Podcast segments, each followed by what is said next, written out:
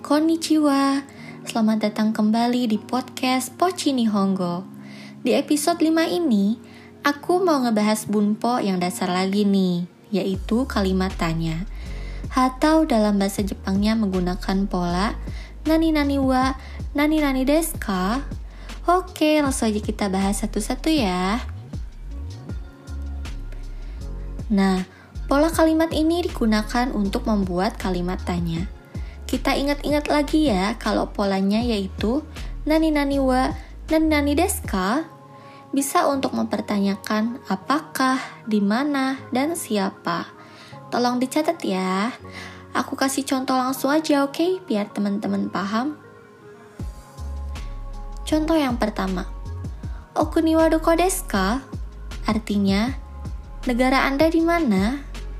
Okuni artinya negara, dilanjut dengan partikel wa, dilanjut dengan doko yang artinya di mana, dan diakhiri dengan deska untuk menandakan bahwa kalimat tersebut adalah kalimat tanya. Okuni wa doko deska artinya negara Anda di mana? Oke, sekarang kita lanjut ke contoh yang lain. Nihongo wa omoshiroi desu ka?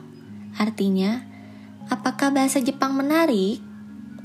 Nihongo artinya bahasa Jepang, dilanjut dengan partikel wa, dilanjut dengan omoshiroi yang artinya menarik, dan diakhiri dengan deska untuk menandakan bahwa kalimat tersebut adalah kalimat tanya. Nihongo wa omoshiroi desu ka? Yang artinya, apakah bahasa Jepang menarik? Oke, sekarang kita lanjut ke contoh yang lain. Onamae wa nan desu ka?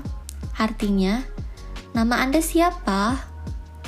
Onamae artinya nama, dilanjut dengan partikel wa, dilanjut dengan nan yang artinya apa, atau dalam kalimat ini karena untuk mempertanyakan nama, jadi konteksnya bisa jadi siapa, dan diakhiri dengan deska untuk menandakan bahwa kalimat tersebut adalah kalimat tanya.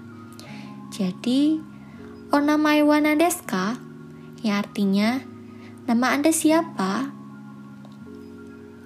Oke, semoga teman-teman bisa lebih paham ya.